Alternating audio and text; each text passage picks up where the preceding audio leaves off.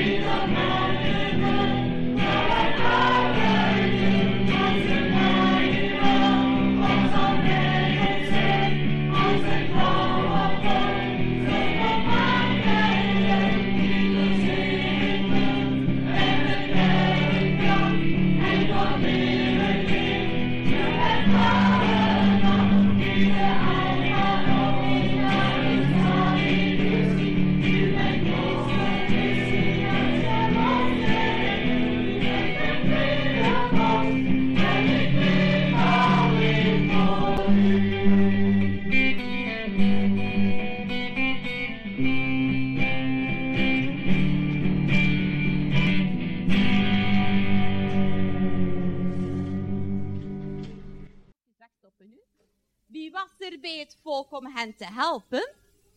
Wie weet dat? Wie was er bij het volk?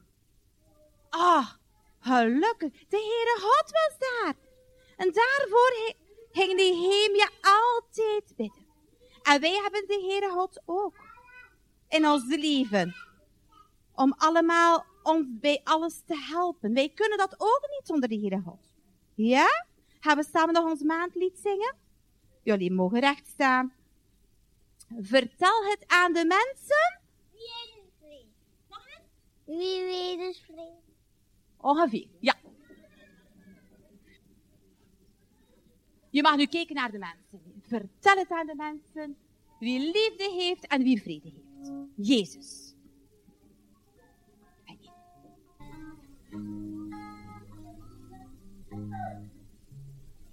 Ja, mag die wel zingen? Vertel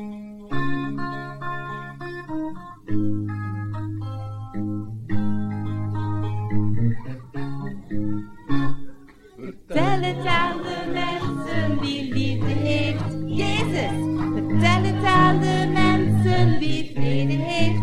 Jezus. Vertel het aan de mensen dat Jezus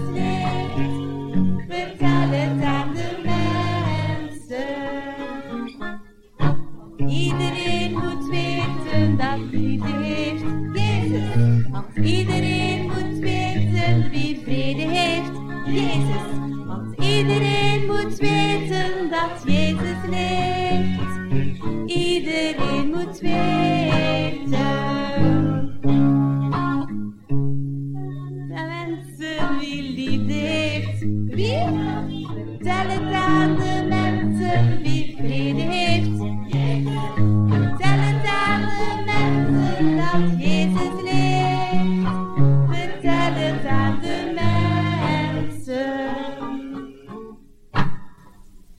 Dankjewel, Hemelse Vader, dat we altijd bij u kunnen komen. Dat u altijd naar ons luistert.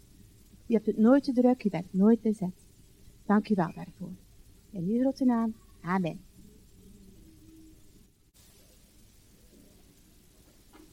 We hebben nog een lied voor eh, dat we de preek van David horen. eh majesteit. Majesteitje.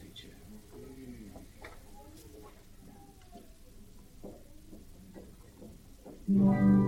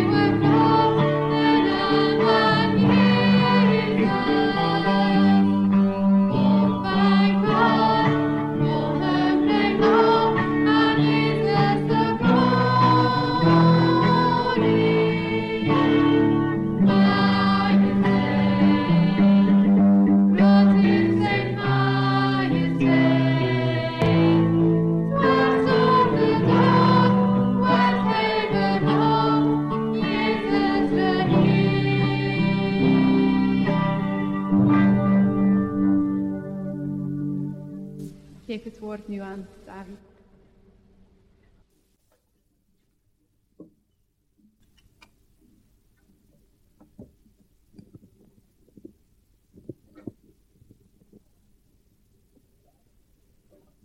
Goedemorgen allemaal. Wij, eh, misschien herinnert u nog de vorige keer dat ik hier gesproken heb, dat is nu een tijdje geleden. En dan ging het over eh, een tekst uit Genesis waar, dat we, waar dat er staat dat God wandelde in de hof van Eden.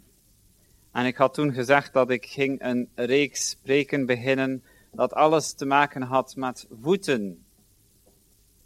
En uh, ik had ook gezegd dat als iedereen, uh, als mensen wilden dat ik uh, een bepaalde passage over ging spreken, dat ze mochten dus ook voorstellen doen. En dat is ook gebeurd, Idis. Dankjewel voor jouw voorstel. Um, maar deze keer wil ik het hebben over Psalm 110, waar dat we ook iets lezen over voeten. Psalm 110. We gaan het samen eerst lezen. Psalm 110.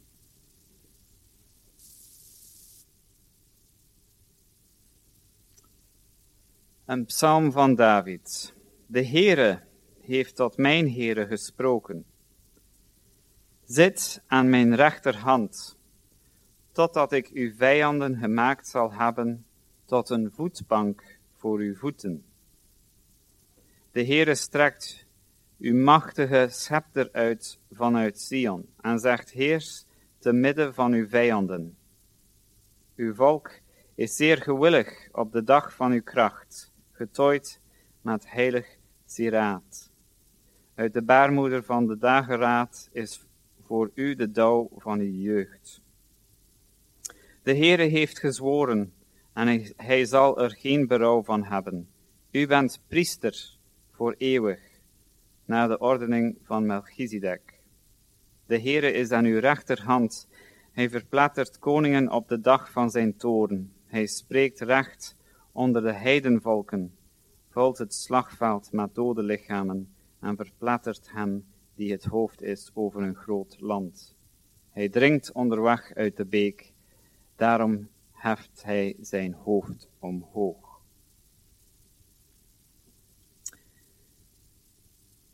kunnen we die eerste foto zien, Jethro. Dit is de troon, een van de tronen, van Tutankhamun. Uh, die bekende farao, uh, wiens graf ontdekt werd door Howard Carter. En uh, hier zie je dus een troon met een voetbank. En in de beschavingen van de oude nabije Oosten hadden koningen een voetbank waarop de overwinningen van hun vijanden werden afgebeeld. En op die foto, we gaan het later uh, beter zien, staan er dus afbeeldingen van volkeren die werden door Tutankhamun um, overwonnen. De voetbank was dus een symbool voor de heerschappij en macht van de koning over zijn onderworpen volkeren. En zo moeten we ook dan die eerste vers begrijpen. Je mag het nu verwijderen, dank u. Vers 1, een psalm van David. De Heere heeft tot mijn Heere gesproken. Zit aan mijn rechterhand, totdat ik uw vijanden gemaakt zal hebben tot een voetbank voor uw voeten. Het gaat hier over de koning die autoriteit en heerschappij beloofd wordt. Nu, deze psalm past bij een, troon, uh, een troonbestijging. Okay? Het moment dat een koning werd aangesteld uh, in Israël.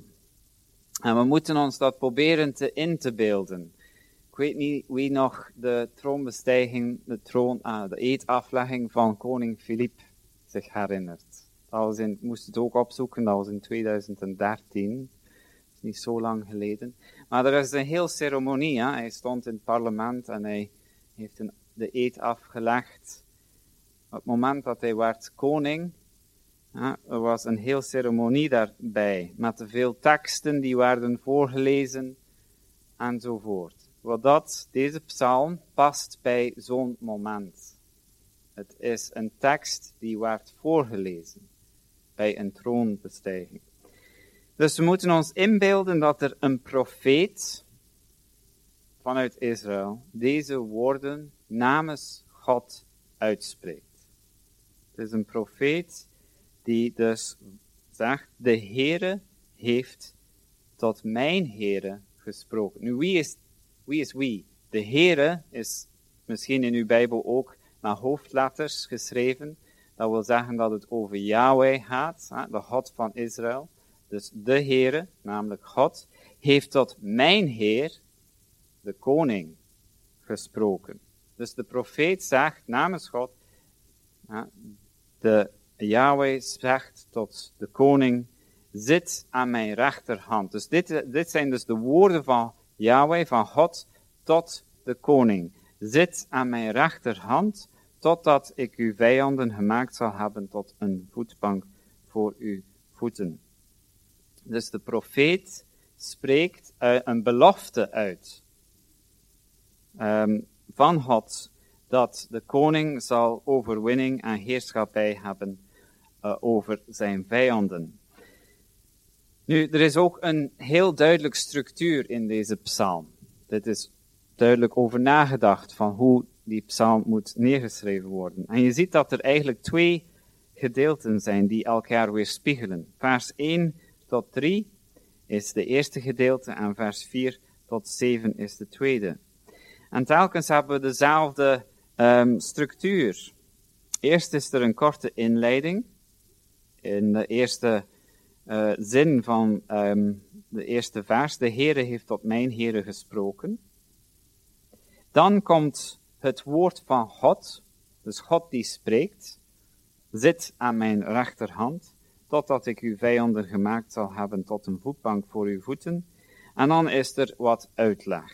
De Heere strekt uw machtige scepter uit vanuit Zion. Dus dat is een uitleg over wat dat betekent. Dat God um, de uh, vijanden zal maken tot een voetbank. En dan zien we hetzelfde in vanaf vers uh, 4. De Heere heeft gezworen en hij zal er geen berouw van hebben. De inleiding. En dan de woorden van God opnieuw. U bent priester. Dit is dus God die spreekt tot de koning. U bent priester voor eeuwig, naar de ordening van Melchizedek. En dan opnieuw wat verder uitleg, vers 5 tot en met 7. Dus hier zijn er eigenlijk twee kernelementen in de psalm waar de God spreekt.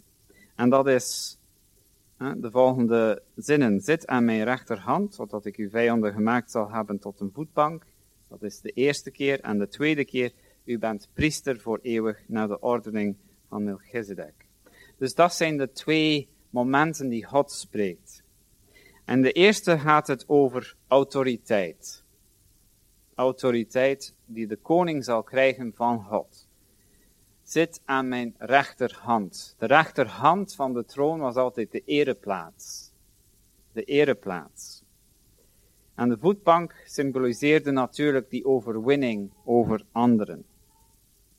En het tweede keer dat God spreekt, gaat het over priesterschap. U bent een priester voor eeuwig naar de ordening van Melchizedek. Nu, in die tijd, in de tijd van uh, Egypte en uh, Babylon enzovoort enzovoort, en Israël zat daar ook tussen. De koning was niet alleen een politieke of militaire leider, de koning was ook een priester. De koning had de rol van een soort tussenpersoon, een bemiddelaar te zijn tussen zijn volk en de goden. Een farao werd beschouwd als de zoon van God.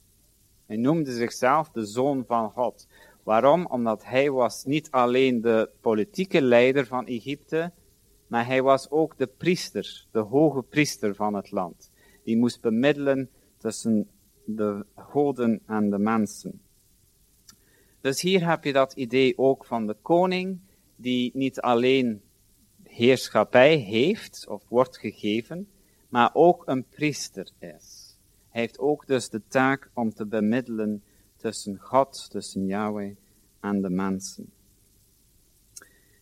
Goed, dat is een beetje uitleg over Psalm 110. Wist je dat Psalm 110 is de meest geciteerde psalm in het Nieuwe Testament? Geen ander psalm wordt meer geciteerd in het Nieuwe Testament. Veertien keren wordt er geciteerd of verwezen naar Psalm 110. Dus de vraag is, waarom was deze psalm zo belangrijk voor die eerste christenen? Wat zagen zij in die psalm dat zo belangrijk was voor hen? Wel, één reden is dat Jezus zichzelf, hij, hij verwees zelf naar die psalm. Jezus identificeerde zichzelf met de koning van Psalm 110. En dat kan je lezen in Matthäus 22, uh, vers uh, 42. Dus het is duidelijk dat Jezus zichzelf beschouwde als die koning. Die koning. Um, en de eerste christenen beschouwden Jezus inderdaad als de voorspelde Messias, die nu aan de rechterhand van de troon van God de Vader is. Stefanus op het moment van zijn steniging zei het volgende. Zie, ik zie de hemelen geopend en de zoon des mensen staande aan de rechterhand van God. Trouwens, Stefanus verwijst ook naar een voetbank in zijn toespraak voor de Joodse leiders, net voordat hij gestenigd wordt. En hij zegt, de hemel is voor mij, dit is God die spreekt, de hemel is voor mij een troon aan de aarde een voetbank voor mijn voeten. Dus voor God, God heeft ook een voetbank. En de voetbank van God is de aarde. En de troon van God, als je denkt terug aan die troon van de farao, de troon waarop God zit, is in de hemel. En zijn voeten, als het ware, rusten op de aarde. Namelijk, God heeft heerschappij over de aarde.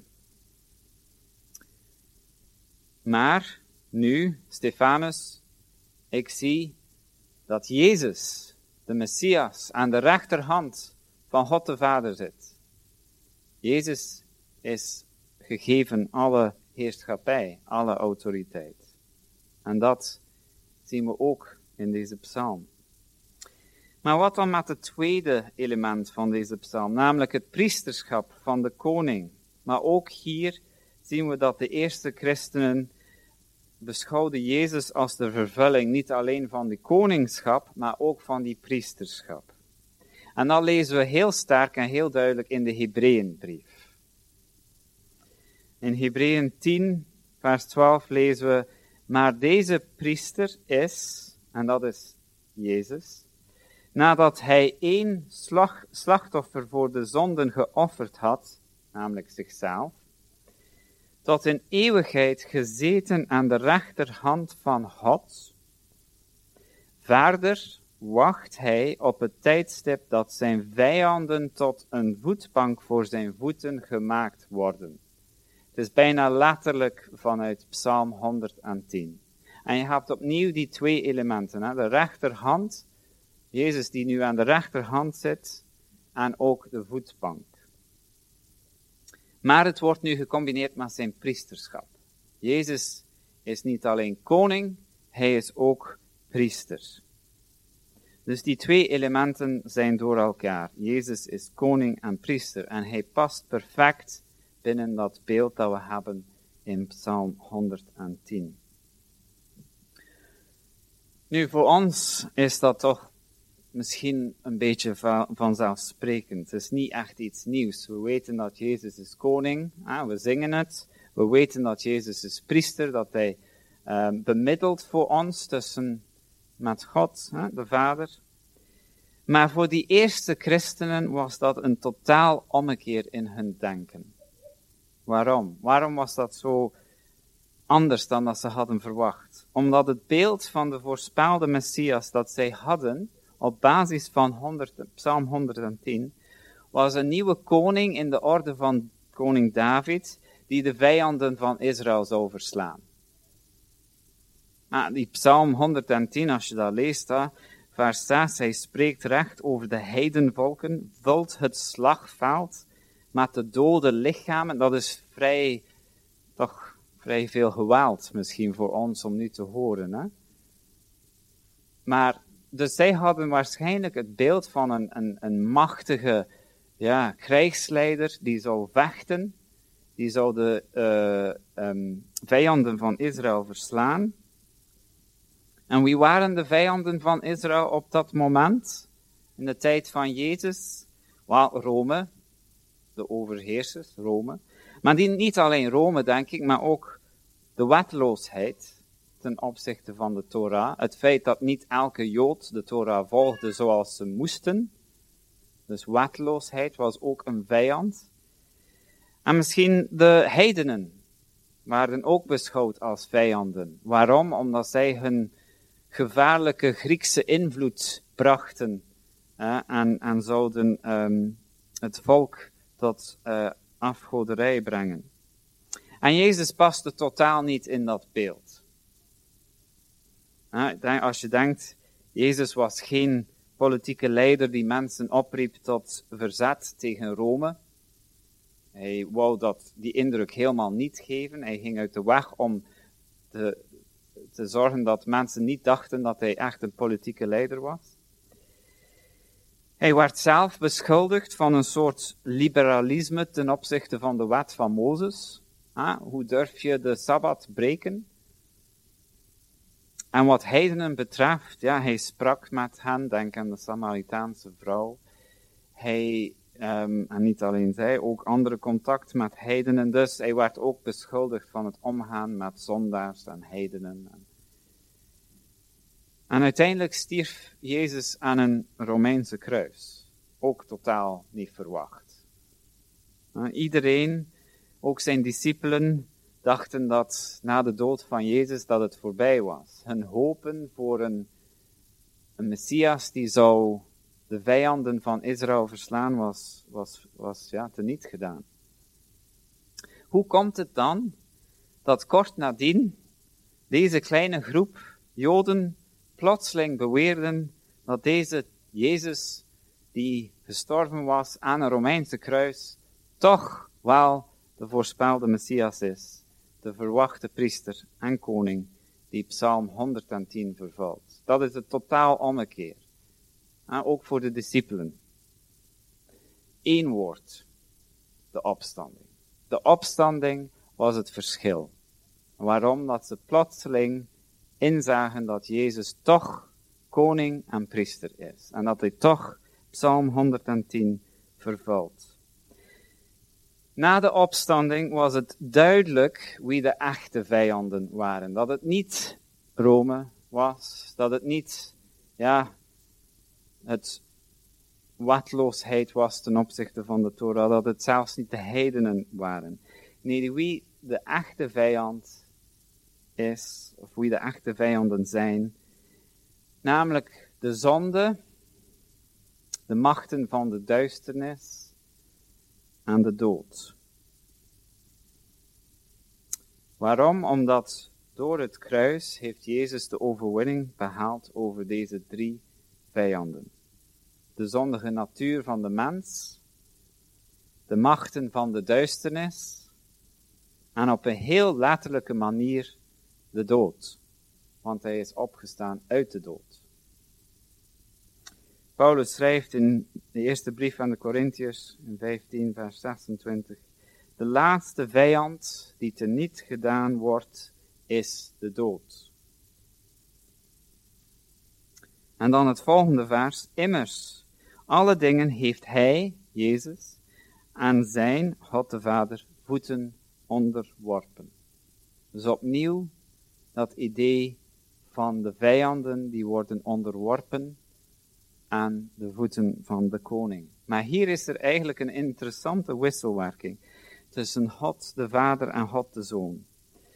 Want vanuit vers, eh, Psalm 110 begrijpen we dat God de Vader alle macht geeft aan Jezus, aan de koning. Zit aan mijn rechterhand, totdat ik uw vijanden gemaakt heb tot een voetbank voor uw voeten. Dat is God die spreekt tot zijn koning, namelijk Jezus. Maar dan met Jezus, na Jezus, op de voltooiing van de tijden, zien we dat er een ommekeer is. Dat namelijk nu Jezus de, alles teruggeeft aan God. Hij geeft nu alles terug aan God de Vader. In zijn gehoorzaamheid naar God de Vader geeft hij alles terug, zodat God uiteindelijk opnieuw God is en koning is van alles wat geschapen is. Is dat niet mooi? Zo die wisselwerking tussen God de Vader en God de Zoon. God de Vader die een koning aanstelt, eerst in het Oude Testament een David en zijn nakomelingen, maar dan Jezus die komt als ook zoon van David, in de lijn van David, maar een koning niet zoals de koningen voor hem, een perfecte koning. En God geeft alle macht aan Jezus omwille van zijn gehoorzaamheid tot aan het kruis. En dan Jezus die terug alles geeft aan God de Vader. In gehoorzaamheid naar God de Vader. Zodat God koning is over alles. Dat is het doel, dat is het einddoel waar dat we naartoe gaan. God die regeert over alles wat geschapen is. Dus volgens de Bijbel leven wij nu als het ware in een periode tussen twee tijden. Um, volgens de eerste christenen was Jezus zijn kruisdood en opstanding het begin van de vervulling van Psalm 110. God is bezig alle vijanden te onderwerpen aan de koning in deze psalm, namelijk Jezus Christus. En zoals te lezen in Hebreeën 10, vers 13, is dit nog steeds bezig. God is nog steeds bezig om alles te onderwerpen aan de voeten van Jezus. Alle vijanden. Zodat in de toekomst Jezus alles terug kan geven aan God de Vader. Op de volleinding van de tijd. Nu, dat is mooie theologie en dat is mooie theorie en dat boeit mij, maar wie naar het nieuws kijkt, kan zich natuurlijk wel afvragen, die vijanden, de zonde, het kwaad, de dood, die lijken toch wel nog vrij levend en alsof dat ze vrij veel macht hebben, hè? als we kijken naar onze wereld. Maar dan denk ik terug aan die eerste christenen die waren ervan overtuigd dat niet ondanks Jezus zijn lijden en schijnbare nederlaag door de handen van de Joodse leiders, maar precies door en omwille van zijn kruisdood heeft hij de overwinning behaald. Het is in de zwakte van Jezus dat hij de overwinning heeft behaald. Net omwille van zijn nederigheid heeft God hem verhoogd. Het doet mij denken aan dat heel bekende lied of psalm in het Nieuwe Testament, in de Filippenzenbrief, hoofdstuk 2. Lofzang voor Jezus staat er hier in mijn vertaling. Filippenzen 2, 5 tot 11, en ik lees het even voor. Laat daarom de gezindheid in u zijn die, laat daarom die gezindheid in u zijn, die ook in Christus Jezus was. Die, hoewel hij in de gestalte van God was, het niet als roof beschouwd heeft aan God gelijk te zijn, maar zichzelf ontledigd heeft door de gestalte van een slaaf aan te nemen en aan de mensen gelijk te worden. En in de gedaante als een mens bevonden, heeft hij zichzelf vernederd en is gehoorzaam geworden tot de dood. Ja, tot de kruisdood. Daarom heeft God hem ook bovenmate verhoogd en heeft hem een naam geschonken boven alle namen, opdat in de naam van Jezus zich zou buigen elke knie van hen die in de hemel en die op de aarde en die onder de aarde zijn, en elke tong zou beleiden dat Jezus Christus de Heer is, tot heerlijkheid van God de Vader. Dit aspect van vernedering en van uh, overwinning door en omwille van vernedering ontbreekt in Psalm 110. Dat vind ik niet terug in Psalm 110. Daarvoor hebben we andere teksten nodig vanuit het Oude Testament, om te beseffen dat dat ook al van in het begin de plan was. Teksten zoals Jezaja over de leidende dienaar, en ook in Daniel over de zoon des mensen. Wist je dat Jezus zijn lievelingstitel om zichzelf te beschrijven was niet Messias of Christus of zoon van David zelfs. Nee, het was de zoon des mensen, de mensenzoon. Het is precies door die zwakte, door het lijden, te midden van de pijn en de gebrokenheid, dat God zich heeft geopenbaard in en door Christus. En ik denk, ik ben ervan overtuigd dat dat nog steeds vandaag het geval is. Dat waar dat er pijn en lijden en gebrokenheid is, dat het precies daar is dat God zich openbaart op een bijzondere manier. Als ik lees over de getuigenissen van de kerk in Oekraïne momenteel, dan ben ik wel bemoedigd, want ik zie dat er een honger is en dat er wonderen gebeuren en dat er speciale dingen gaan, dat God aan het werk is.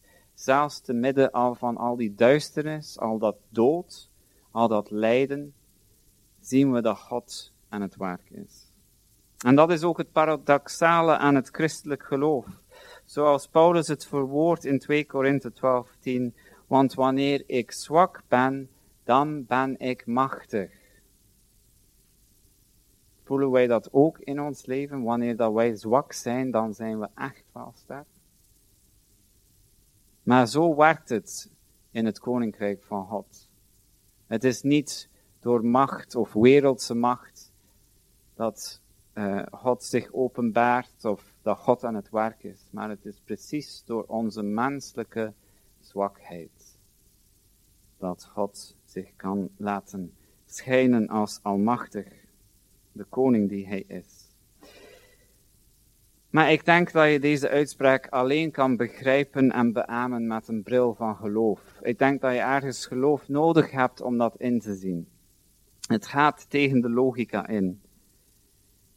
Maar tegelijkertijd betekent het ook dat er hoop is in elke gebroken situatie. Precies daar waar dat het moeilijk is, is er ruimte voor het koninkrijk om te groeien. En dat geeft ons moed en vertrouwen en geloof dat Gods geest aan het werk is te midden van de duisternis.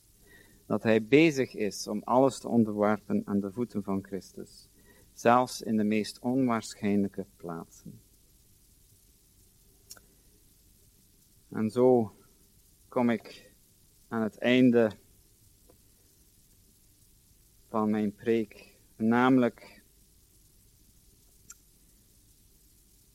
het Onze Vader. En ik wil daarmee afsluiten.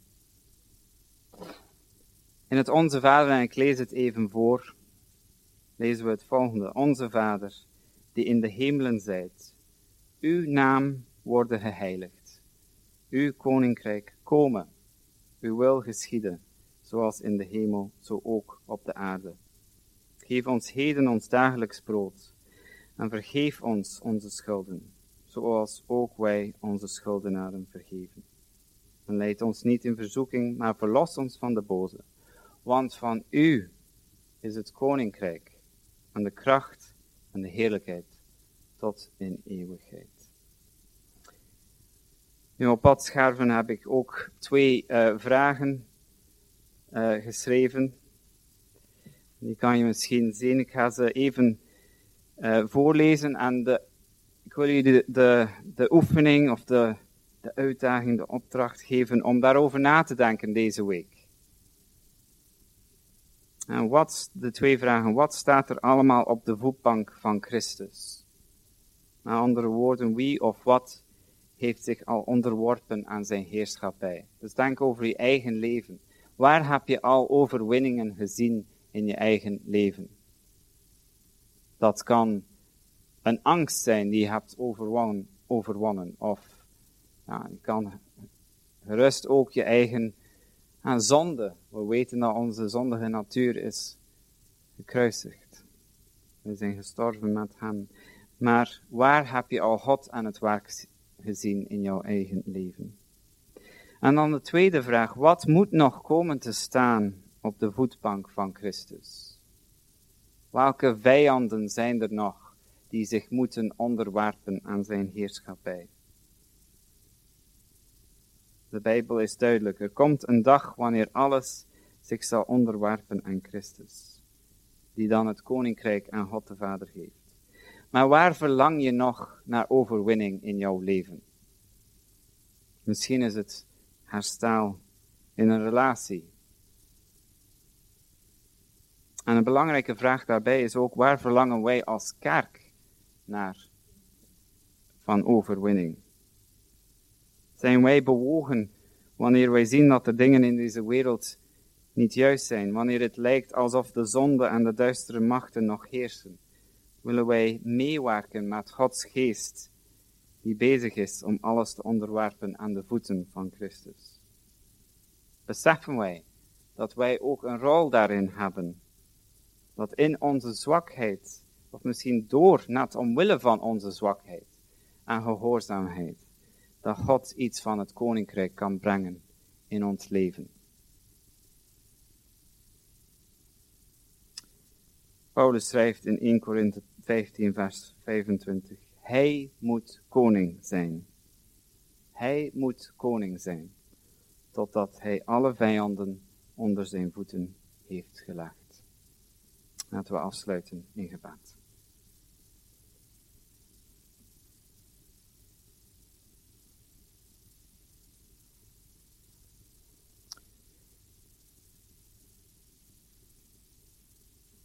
Eerst en vooral, Heer, wij willen U verhogen en prijzen, want U bent inderdaad waardig. Heer Jezus, U hebt de koningschap ontvangen. En het is, U bent het waard. U bent het waard omwille van Uw gehoorzaamheid tot aan de dood. En wij weten, Heer, dat U bezig bent met alle vijanden te verslaan. En soms lijkt het zo ver weg en lijkt het onmogelijk bijna, maar we lezen het, we vertrouwen het, we geloven het, dat u Heer bent. Ook in ons leven. Heer, en wij verlangen ernaar tot die dag dat alles zich zal onderwerpen aan uw voeten en dat het de wereld opnieuw zal zijn zoals het moet. Maar dat er geen pijn, geen lijden, geen tranen, geen dood. Maar tot aan die dag willen we ook meewerken met u.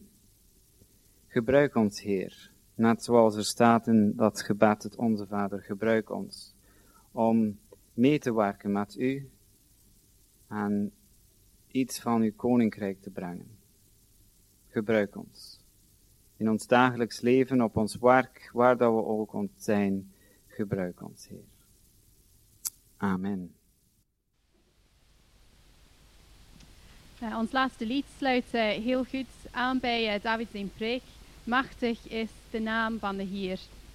Um, dus als we dit lied samen zingen, dan, um, ja, dan spreken we dat uit. We spreken uit dat God, God is machtig. En er komt een dag dat alles inderdaad op dat voetbank komt te staan. Um, dus ja, we gaan dit zingen als een soort gebed. Of een, um, ja, een proclamatie dat wij dit geloven. Ondanks wat we rondom ons zien, gaan we blijven vertrouwen dat God is machtig. En kunnen we recht staan.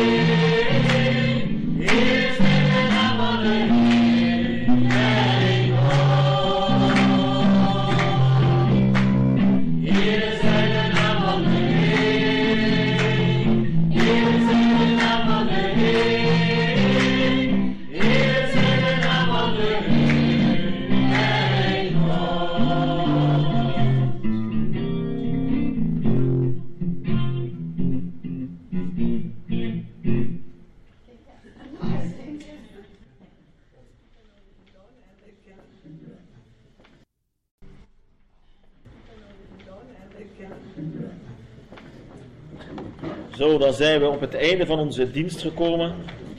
Dan leidt mij nog de mededeling door te geven.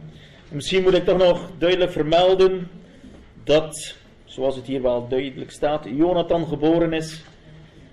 Het kleinkind van Mark en Mieke. Ik wens jullie veel zegen toe. En hopelijk kunnen jullie binnenkort een keer even weg en weer naar Australië gaan. Dus het is natuurlijk niet bij de deur. Dat wil ik ook nog een keer benadrukken voor de bidstonde dinsdag om twee uur. En ik moet eerlijk zijn dat ik wel heel blij ben dat er, ik denk dat we nu echt in een tijd zijn hier in onze gemeente dat er veel gebeden wordt. De bidstonden worden goed bezocht. Ik denk dat er in totaal de maandag en de dinsdag samen bijna 14 man bidden. Ik vind dat echt goed, want dat is de kracht van een gemeente. Niet het organiseren, maar echt bidden. En ik zou ook iedereen willen echt oproepen om te komen naar de bedstonden om te bidden. Want daar gaat het om. Daar gaat het om. Als we kracht willen ontvangen, dan gaan we moeten leren bidden. Durven te bidden, niet leren, we moeten het doen. En ik denk dat het zeer belangrijk is om dat te doen. Dan zie ik ook, nogmaals, na een lange tijd krijgen we nog een keer een buitengewone algemene vergadering. Iedereen gaat nu verzuchten. Maar het moet. Dus, dank u Ruud. Dus zondag 15 mei, we blijven ook voor de mensen die willen een broodmaaltijd. Het staat er allemaal op, dus in ieder geval schrijf dat ook op. Dan wil ik ook nog zeggen dat er eh, dinsdagavond om 8 uur bij Jerre en Ruud een, een eh, themaavond, laat ik het zo zeggen, een avond, een vergadering, sorry, wordt gehouden over de lofprijs hier in onze gemeente. Dus voor alle geïnteresseerden die zeggen van, ja, misschien moet dat veranderen of moet dat veranderen of willen we het zo, dan zou ik zeggen allen daarheen, dus bij Jerre en Ruud om 8 uur dinsdagavond. En ik denk dat het inderdaad ook heel belangrijk is, omdat we een goede lofprijs hebben, want daar gaat het om. Het gaat om de eer aan Jezus geven, zoals we vandaag en zo ook zo vaak in de Bijbel lezen. En dan wil ik ook nog een keer een oproep doen voor de mensen die misschien geïnteresseerd zijn om zich open te stellen, hun huis open te stellen voor de Oekraïense christenen of mensen in het algemeen. We hebben... Uh, Natuurlijk, het is een hele opdracht en uh, iemand in huis nemen is niet altijd gemakkelijk. Maar ik denk, zoals het ook in de Bijbel staat, een man die zich ontfermt, die wordt gezegend, staat er in een van in Psalm 112, denk ik.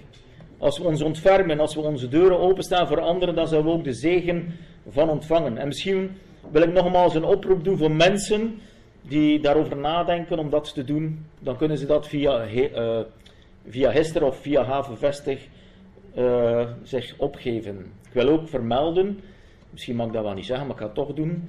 Bij Ingrid en Stefan zijn de eerste Oekraïnse christenen uh, gekomen, vrijdag gekomen. Dus als je misschien inlichtingen wilt, of dat je zegt, ja, hoe gaat het allemaal, dan kunt u een keer bij hen terecht. Zo, ik denk dat ik ga afsluiten. Ik heb alles gezegd dat ik moet zeggen. Er is ook nog koffie. En ik wil nog afsluiten in gebed.